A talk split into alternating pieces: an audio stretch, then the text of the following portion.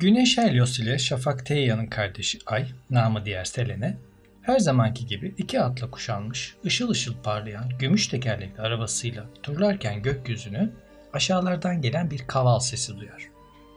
Dağ başında tek başına oradan oraya zıplayan kara keçilerini otlatan çok yakışıklı bir çoban görür. Gün boyu dağların tepelerinde mis gibi çayırlarda otlattığı sürüyü gece kaval senfonisiyle dinlenmeye alan bu çoban kendini de salar o mis gibi çayıra sere serbe. Selene için bu görüş her gece her gece tekrarlanınca aşık olur gözlerini kamaştıran çoban Endimiona. Gece olunca da uzanır üzerine gümüş ışığıyla sarmalar sevdiceğini. Ne zaman doğarsa doğsun ilk sevdiğine gider koşa koşa ona ışıltılarıyla sarılmak için. Fakat hava şartları malum bazı geceler zifir olunca hasretlenir yürekler. E aşk bu tabi. Sayılırken dakikalar, gün olunca geçen süre huzursuzluk başlar. Fakat bu korkulu bekleyiş geçiverir. Ay görünür görünmez gökyüzünde. Hal böyle olunca her kovuşuma bir öncekinden çok daha parlar, ışıl ışıl eder dağ tepelerini. Her ikisi için de sevgi bu ışığın gücünde, ışıltısındadır. Elbette bu aşk kıskanılır ve sıradan bir insanın bu kadar güçlü bir varlıkla olan böylesi güzel sevgi bağı hazmedilemez. Ancak Jüpiter yani Zeus bu durumu uzaktan hoşnutlukla izler. Bu yüzden de çoban Endimion'a dile benden ne dilersen deyiverir. Aşık çoban da bu muhteşem gecelerin ölümsüz uykuyla devamını dilerim diye söyleyiverir dileğini. İşte bu yüzden Selene fırsatını bulduğu anda o gümüş ışığıyla yeryüzüne serilir sevdiğine kavuşmak için.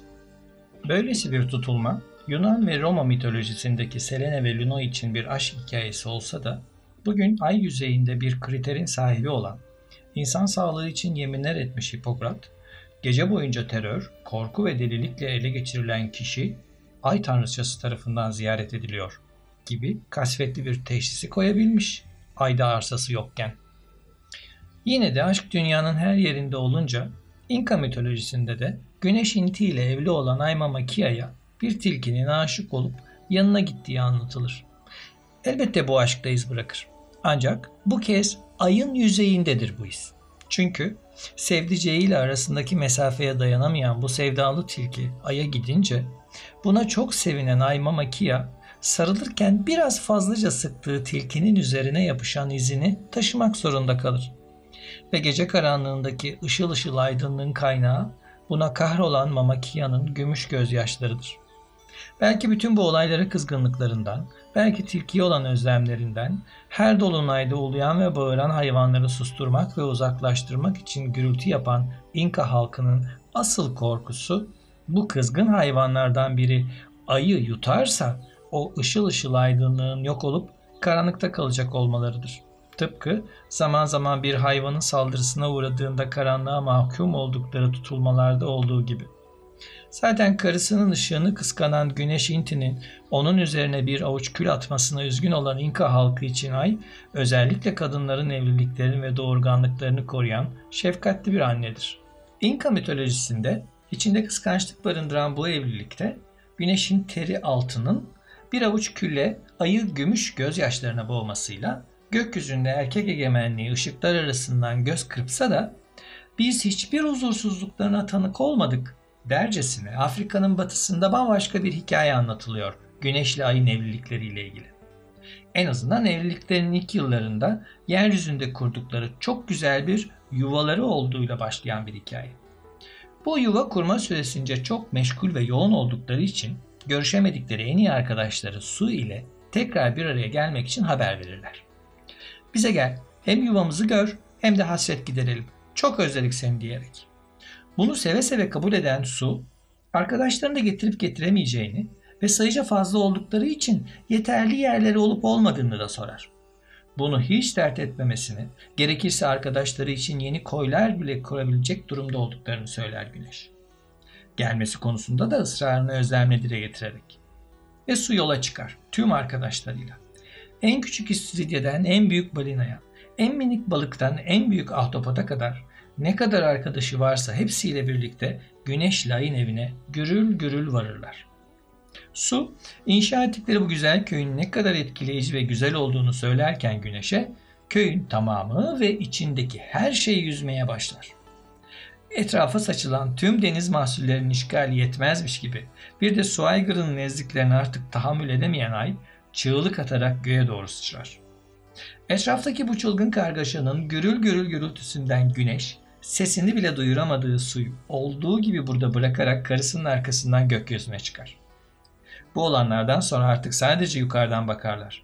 Aşağıdaki her yeri göle, nehire ve denize çeviren suya. Her şeye rağmen yine de nazikçe bakan ayın aksine kızgın bir güneş olarak. Su ile gelenler arasında olması muhtemel bir susamurunun arkadaşlarıyla yaşadıkları ise bambaşka bir ay anlatıyor Hint mitolojisinde. Bu susamuru arkadaşları maymun, çakal ve tavşanla her gece gün boyu yaşadıklarını birbirlerine aktarıp üzerinde tartışırlarken insanların ne kadar duyarlı olduklarından bahsederler.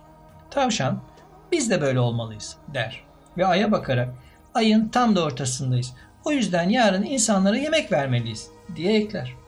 Sabah susamuru nehirden yakaladığı balığı söz verdiği için yemez, güneş batana kadar beklemek için eve götürür ve uykuya dalar. Çakal bulduğu bütün et parçalarını tıpkı susamuru gibi eve götürüp uykuya dalar. Maymun da devasa bir mango demetiyle diğerlerinin yaptığını yapıp huzurlu hayallere dayar. Yaptıklarının çok güzel olduğunu düşünüp. Hem zaten bu güzel düşüncelerle açlığa daha da kolay dayanılıyor diyerek. Fakat tavşan onlar kadar kolay bulamayınca ikram edecek, yiyecek ya da verecek para kara kara düşünmeye başlar. Ve insanlara benim yediğim gibi ot vermek yerine en iyisi kendimi yemek olarak vereyim kararına varır. Bir bulut arkasında saklanarak tavşanı yakından takip eden göklerin tanrısı Sakka, yaşlı adam kılığına girerek test etmek için tavşanın karşısına çıkar.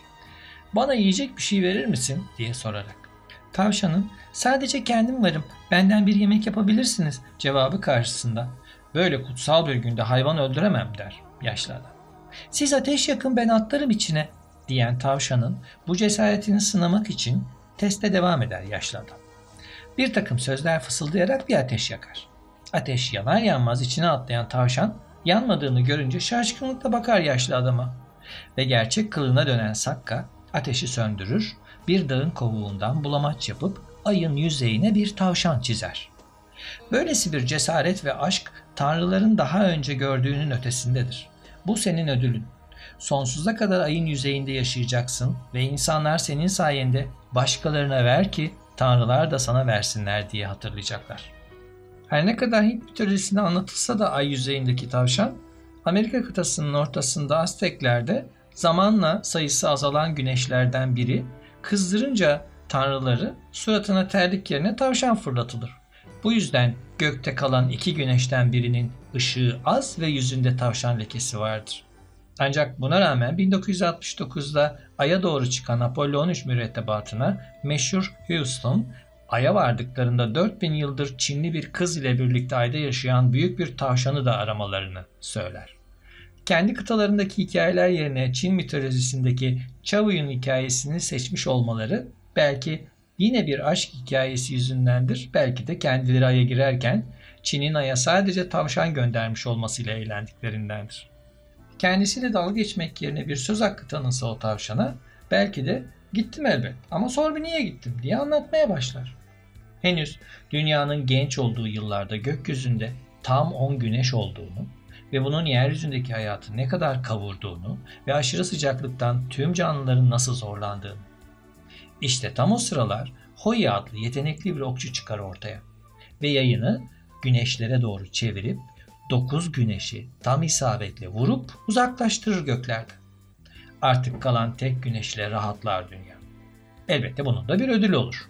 Ve bu ödülü bahçesinde yetiştirdiği şeftalilerden ölümsüzlük iksiri yapan kraliçe anne Shivanmu verir. İksiri alan Hoi, sevgili eşinden ayrı kalmasına sebep olacak bu tek başına ölümsüzlüğü kabullenemez ve iksiri yatağının altına saklar. Fakat karısı Çavuy durumun farkında ve bir plan hazırlamaktadır. Bir gece sessizce iksiri alır, son damlasına kadar afiyetle içerek ölümsüzlüğe doğru gökyüzüne uçar. Arkasından koşan beyaz tavşanıyla birlikte. Karısının yatakta olmadığını fark eden Hoi, gökyüzüne doğru uzaklaştığını görünce iksiri içtiğini anlar ve öfkeyle okunu fırlatır. Fakat öfke dengesini bozar ve hiçbir ok vuramaz Çavu'yu. Zamanla öfkesi hasrete yenik düşen Hoi, ölene kadar her gece gökyüzünde görünen karısı Çavu'ya olan sevgisini göstermek için en sevdiği yiyecekleri çıkartır ışığının altına. Çin mitolojisinde de olduğu gibi büyük bir çoğunluk için ay hep kadın. Sümerlerde erkek olan Nana haricinde. Duyguları kadınlığı, doğurganlığı temsil ettiğini ve su burcu olan yengecin de yöneticisi olduğunu boşuna söylemiyor astroloji. Her ne kadar dünya olarak güneşle ay arasına girip bir şekilde sevenleri birbirinden ayırsak da kısacık süren bu ayrılık sonrasında kavuşmanın getireceği ışıltılardan nasılsa yine biz sebepleniriz. Tabi güzel olmasını dileyerek tüm bu sebeplerin. Yeniden görüşmek üzere. Hoşçakalın.